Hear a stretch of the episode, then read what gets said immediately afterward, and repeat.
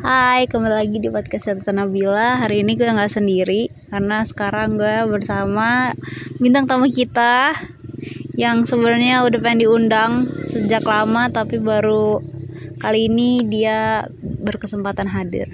Perkenalkan, siapa Pak namanya? Ya, nama saya Sahril Sabirin.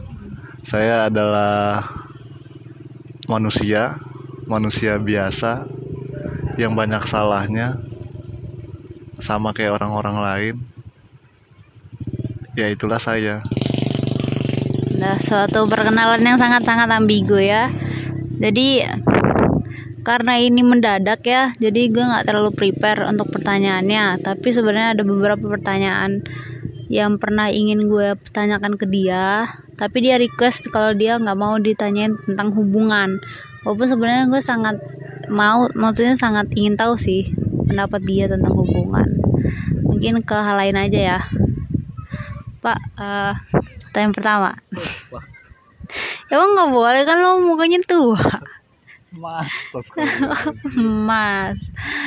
Oh, oh ya sebelumnya pengen dipanggil apa? ap- Pengen dipanggil apa nih Sardo? Lelaki terbaik untuk Nabila. Coba eh, kita panggil nama aja ya langsung ya. Eh, pertanyaan pertama, dulu kan ini ya, Anda kan sering cerita kalau misalnya eh, kalau misalnya kamu tuh lebih menganggap diri kamu tuh adalah manusia yang bodoh gitu. Dan juga ingin yang buruk gitu. Di saat orang-orang ingin yang terbaik dan inginnya itu dianggapnya pintar tapi kamu pengennya tuh dianggapnya tuh bodoh gitu. Dan juga dianggapnya buruk gitu. Itu alasannya apa sih pak? Filosofinya tuh apa tuh pak? Boleh dijelaskan nggak pak? Pak apa Sahril nih? ya suka-suka lah. Ya apa ya? Eh, karena ya dulu juga sempet kepikiran pengen menjadi yang terbaik. Tapi nggak tahu kenapa untuk mengejar yang terbaik itu kayaknya eh, cuman buat pembuktian aja ke orang-orang yang remehin lo dan lain-lainnya yang kayak nganggep lo eh, nggak berguna atau apalah itulah. Pokoknya cuman hanya untuk pembuktian. Pada padahal eh, pembuktian itu nggak penting juga. Sebenarnya orang-orang itu nggak peduli juga. Kalau lo udah jadi apa juga sebenarnya ya nggak bangga bangga juga sih. Ya malah pengen menjatuhkan juga gitu. Ya memang pada dasarnya kan eh, manusia itu iri dengan pencapaian orang nggak bakal lo diapresiasi juga gitu tuh. Jadi sempet ujung-ujungnya karena capek mengejar untuk menjadi yang terbaik terus mikir eh, cita-cita gue untuk menjadi orang terbaik ya menurut gue memang banyak sih. Ternyata semua manusia pengen jadi yang terbaik semua manusia anaknya pengen jadi sukses. Dan terus ada pertanyaan kenapa ya eh, orang tua nggak mau anaknya menjadi buruk? Emang ada apa dengan buruk? Sedangkan buruk buruk itu tidak baik itu kenapa diciptakan kalau tidak ada yang mau menjadi seperti itu? Ya menurut gue ya kenapa sih kita nggak berdamai dengan hal-hal kayak gitu? Karena kan manusia kan ada baiknya ada buruknya. Kenapa harus kita harus enaknya terus gitu kan? Ya kesannya kalau emang buruk dijauhi oleh seorang kenapa kita tidak mencoba untuk mendekatinya? Kalau gue sih gitu gitu ngerasanya kenapa ya? Orang-orang itu selalu ingin jadi nomor satu. Selalu ingin jadi nomor satu padahal masih banyak urutan-urutan lainnya gitu. Dua tiga empat lima enam tujuh delapan sembilan sepuluh. Kalau lo menjadi yang ke 10 juga sebenarnya nggak apa-apa sih. Kalau kalau lo ikhlas untuk ngejalaninnya nothing tulus tanpa harus menyakiti siapa pun mau lo dianggap buruk juga ya nggak apa-apa juga gitu tuh. Oke oke. Eh, tapi saya ingin tahu ya Eh, real kan kata lo lo capek untuk mencapai yang terbaik. Emang usaha apa sih? Ada nggak sih suatu pengalaman atau usaha ataupun capaian yang lo ingin jadi terbaik itu terus akhirnya lo capek gitu? Apa kalau lo pernah nggak ada di satu titik eh, lo jadi suatu yang terbaik gitu? Kan terbaik ini kan banyak jenisnya gitu ya kan maksudnya di bidang apa pun gitu awalnya tuh lo ingin mengejar yang terbaik di apa sih? Terbaik di kehidupan kah? Di in general atau terbaik di suatu apa gitu yang spesifiknya gitu. Dan hal apa yang usaha apa yang lo usahakan itu sampai akhirnya ngebikin lo capek itu gitu? Coba. Ya banyak lah gitu. Ya gue pun sebenarnya dari awal dari gua uh, kecil dari gua sampai beranjak dewasa gua nggak pernah kepikiran untuk kuliah apalagi kuliah sekolah lah gitu. Gua dari SD aja nggak tahu lulus apa enggaknya gitu tuh. Dan menurut gua terbaik itu karena gua adalah orang dari uh, orang-orang uh, yang memang tidak kaya uh, sukses itu dalam artian menurut gua adalah kaya. Dan di situ kan uang lah gitu kan. Tapi kan ternyata hmm, sukses tuh banyak gitu. Ternyata sukses tuh apa yang lo mau apa tujuan lo uh, yang lo cita-citakan ingin lo dapet gitu lo ingin dihargai oleh manusia lainnya. Pada dasarnya kan itu lo pengen dapet kayak uh, apresiasi dari manusia-manusia lainnya.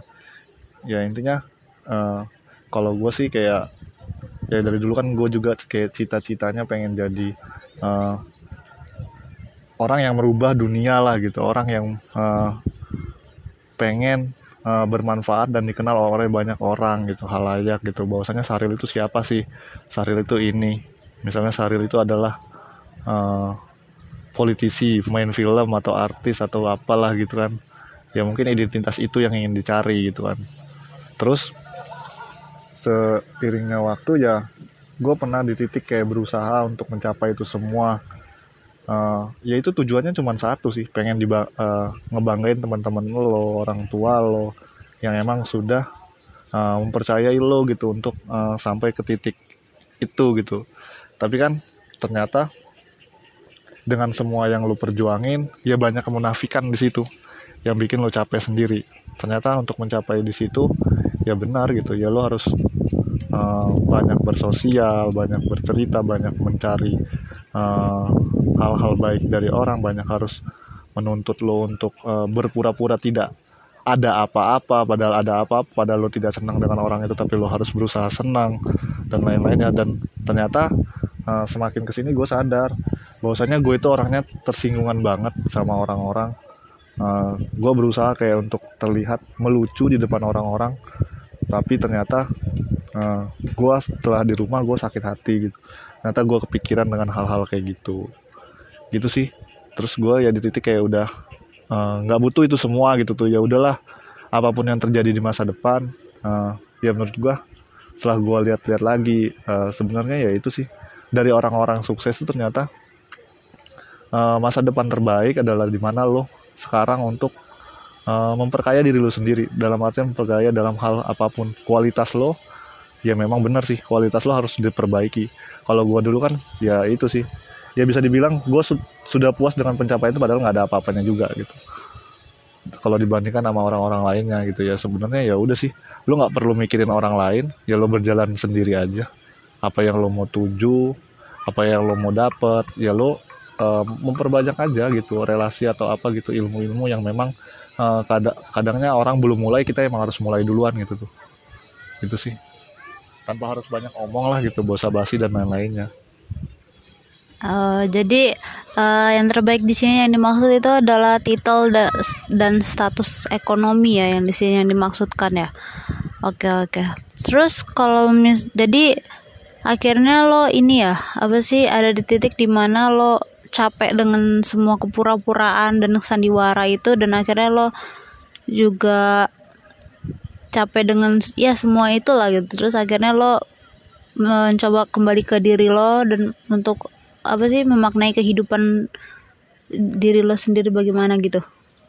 Begitu bukan yang gue tangkap sih seperti itu. Iya ternyata kan ya yang gue uh, ya benar sih yang lo tangkap emang kayak gitu gitu. Tapi kan uh, menurut gue ya itu tadi uh, salahnya dalam berpikir ya mungkin gue gitu. Salahnya dalam berproses adalah gue ya semakin uh, umur gue bertambah semakin gue mikir semakin gue banyak mendengar semakin gue banyak melihat ya ternyata ya benar gitu kalau kata orang-orang. Uh, ya klise sih. Ya memang katanya kan kita punya cara kita masing-masing untuk mendapatkan itu gitu. Kita tanpa harus merubah hal-hal uh, yang memang bukan diri kita gitu untuk mencapai itu. Ya nating tulus aja sih lah. Selagi kita uh, menurut kita berbuat yang memang tidak melanggar hukum ya kita jalanin aja gitu. Itu sih. Oke oke oke. Uh, sebenarnya tadi poinnya menarik kan kata lo ini ya uh, lo ngejelasin uh, semua ingin menjadi yang terbaik gitu. Terus akhirnya lo ingin jadi yang buruk gitu. Terus gue bertanya kenapa harus menjadi yang terburuk gitu? Kenapa nggak jadi yang biasa-biasa aja gitu? Nggak usah uh, ini baik atau buruk gitu. Karena dalam baik dan buruk pun itu terlalu, apa subjektif ya. Belum tentu menurut kita baik tapi menurut orang lain tuh buruk gitu. Kenapa nggak menjadi biasa-biasa aja gitu? Itu gimana? Coba.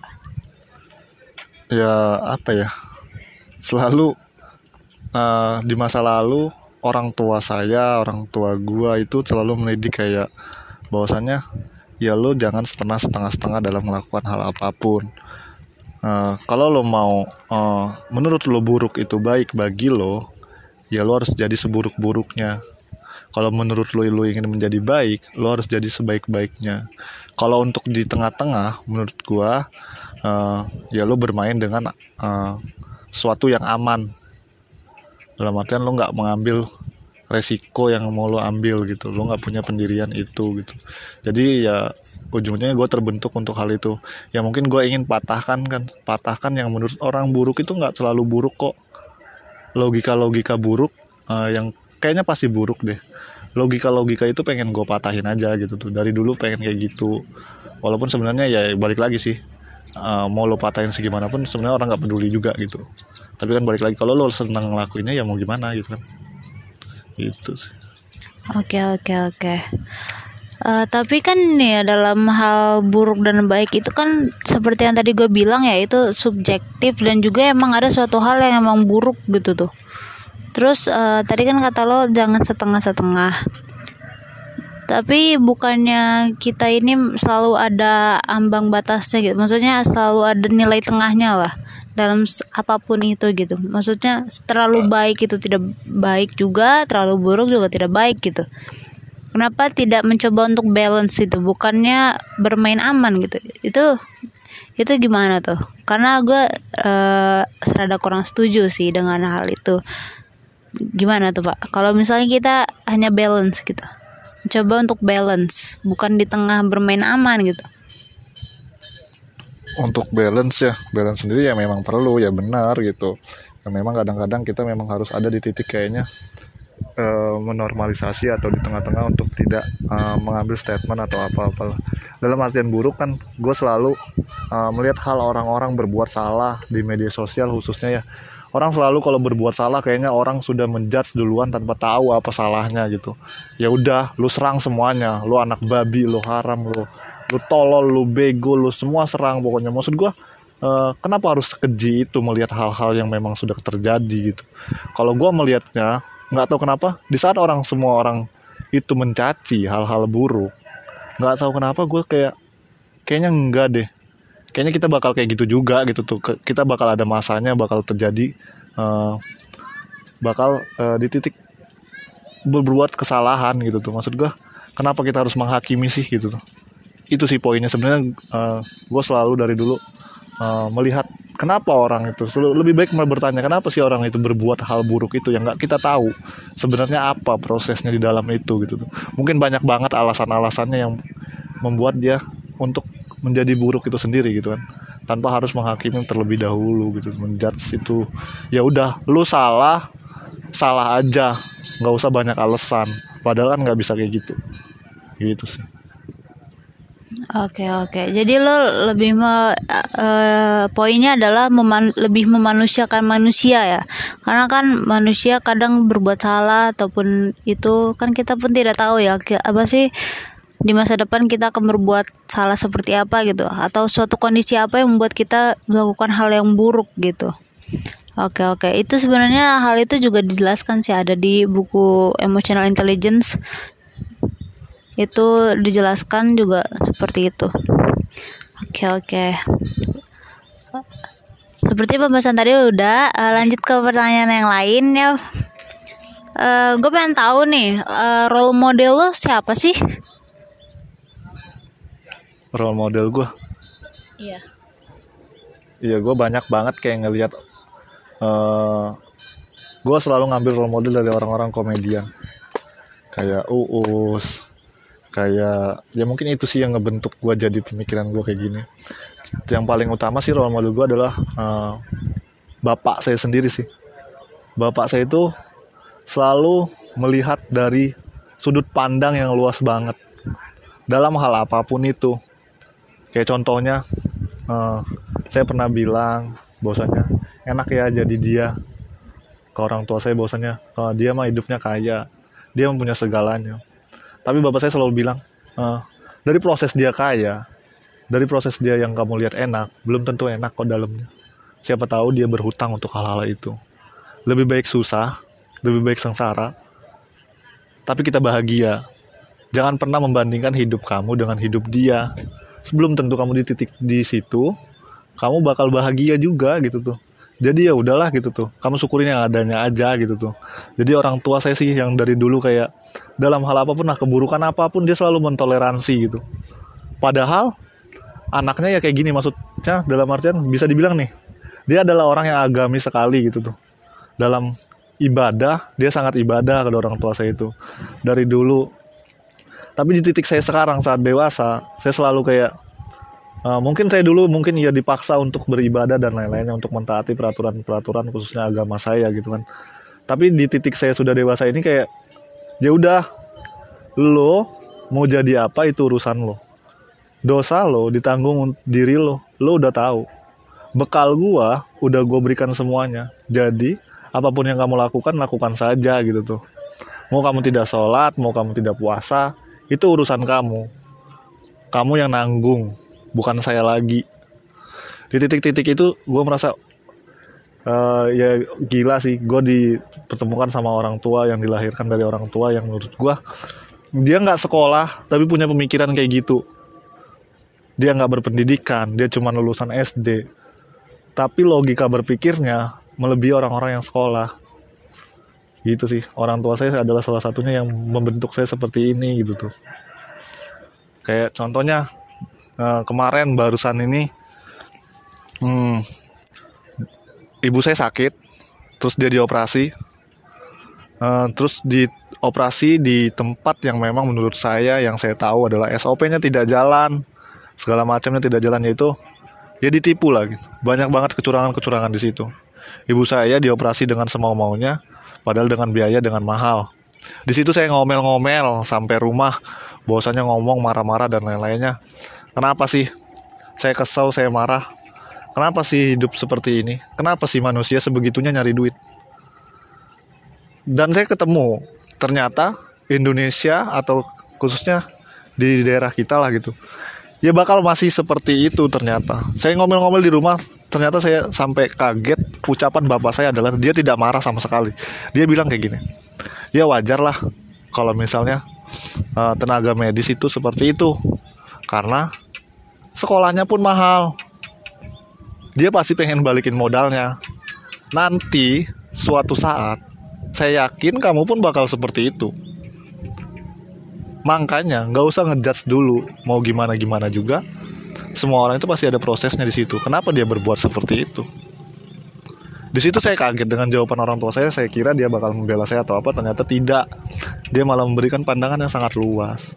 Dan itu saya pikir oh ternyata kenapa orang-orang itu gila banget dengan yang namanya duit uh, banyak kecurangan-kecurangan dan lain-lainnya. Khususnya di Indonesia adalah menurut saya kalau pendidikan masih bayarnya mahal.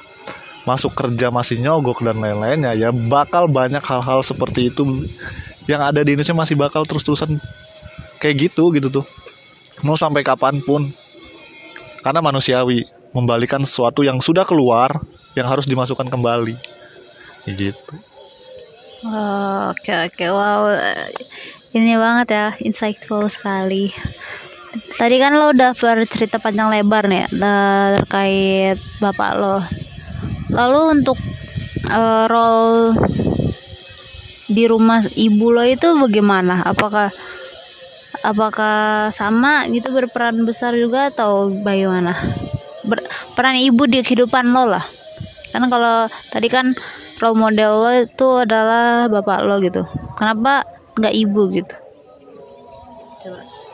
ya ibu gue sama sih. Kalau ibu gue kan lebih ke ya pada ibu lainnya lah memberi perhatian. Kalau gue lagi dimarahin dia yang ngebelain gue uh, dia yang nenangin orang bokap gue atau ubak gue gitu untuk tidak marah-marah dan lain-lainnya sih. Ya ya ibu gue juga banyak tapi menurut gue ya lebih berpengaruh oleh ubah gue sendiri yang berpemikirannya sangat luas gitu.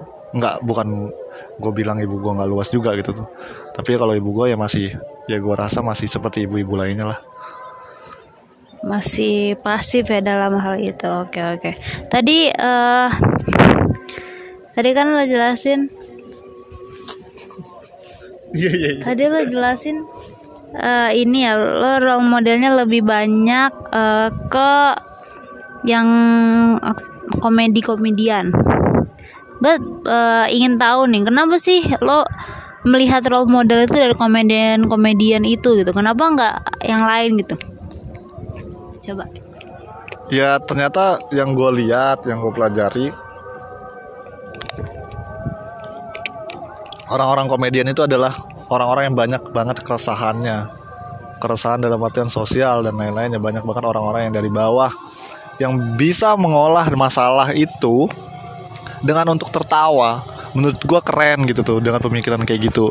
Dari dulu gue pengen banget terjun di sana tapi nggak tahu kenapa mungkin jalannya gue nggak di sana gitu tuh. Gue cuma hanya penikmat. Gue pengen kenal sama orang-orang itu tapi nggak tahu belum ada jalannya. Tapi gue masih berharap walaupun gue tidak terjun di sana gitu tuh gue salut aja gitu tuh ngelihat orang yang memang susahnya begitu susah tapi masih bisa tertawa bersyukur dalam artian gue senang ngelihat orang-orang yang kayaknya hidup di bawah di hidup di penderitaan tapi dia tidak menunjukkan kemenderitaan itu. Dia tetap tersenyum dia tetap tertawa dia tetap bahagia gitu. Banyak banget sih yang harus gue contoh seperti itu karena gue sendiri kayak masih dengan hal sepele gue masih ngeluh dan lain-lainnya gitu tuh. Gitu oh begitu begitu kan namanya rumus komedi juga kan tragedi plus time sama dengan komedi. Oke karena udah azan kayaknya dan juga ini durasinya udah 21 menit hampir 22 kita cukupkan dulu nanti kalau ada waktu lagi atau apa dilanjut di part 2 bye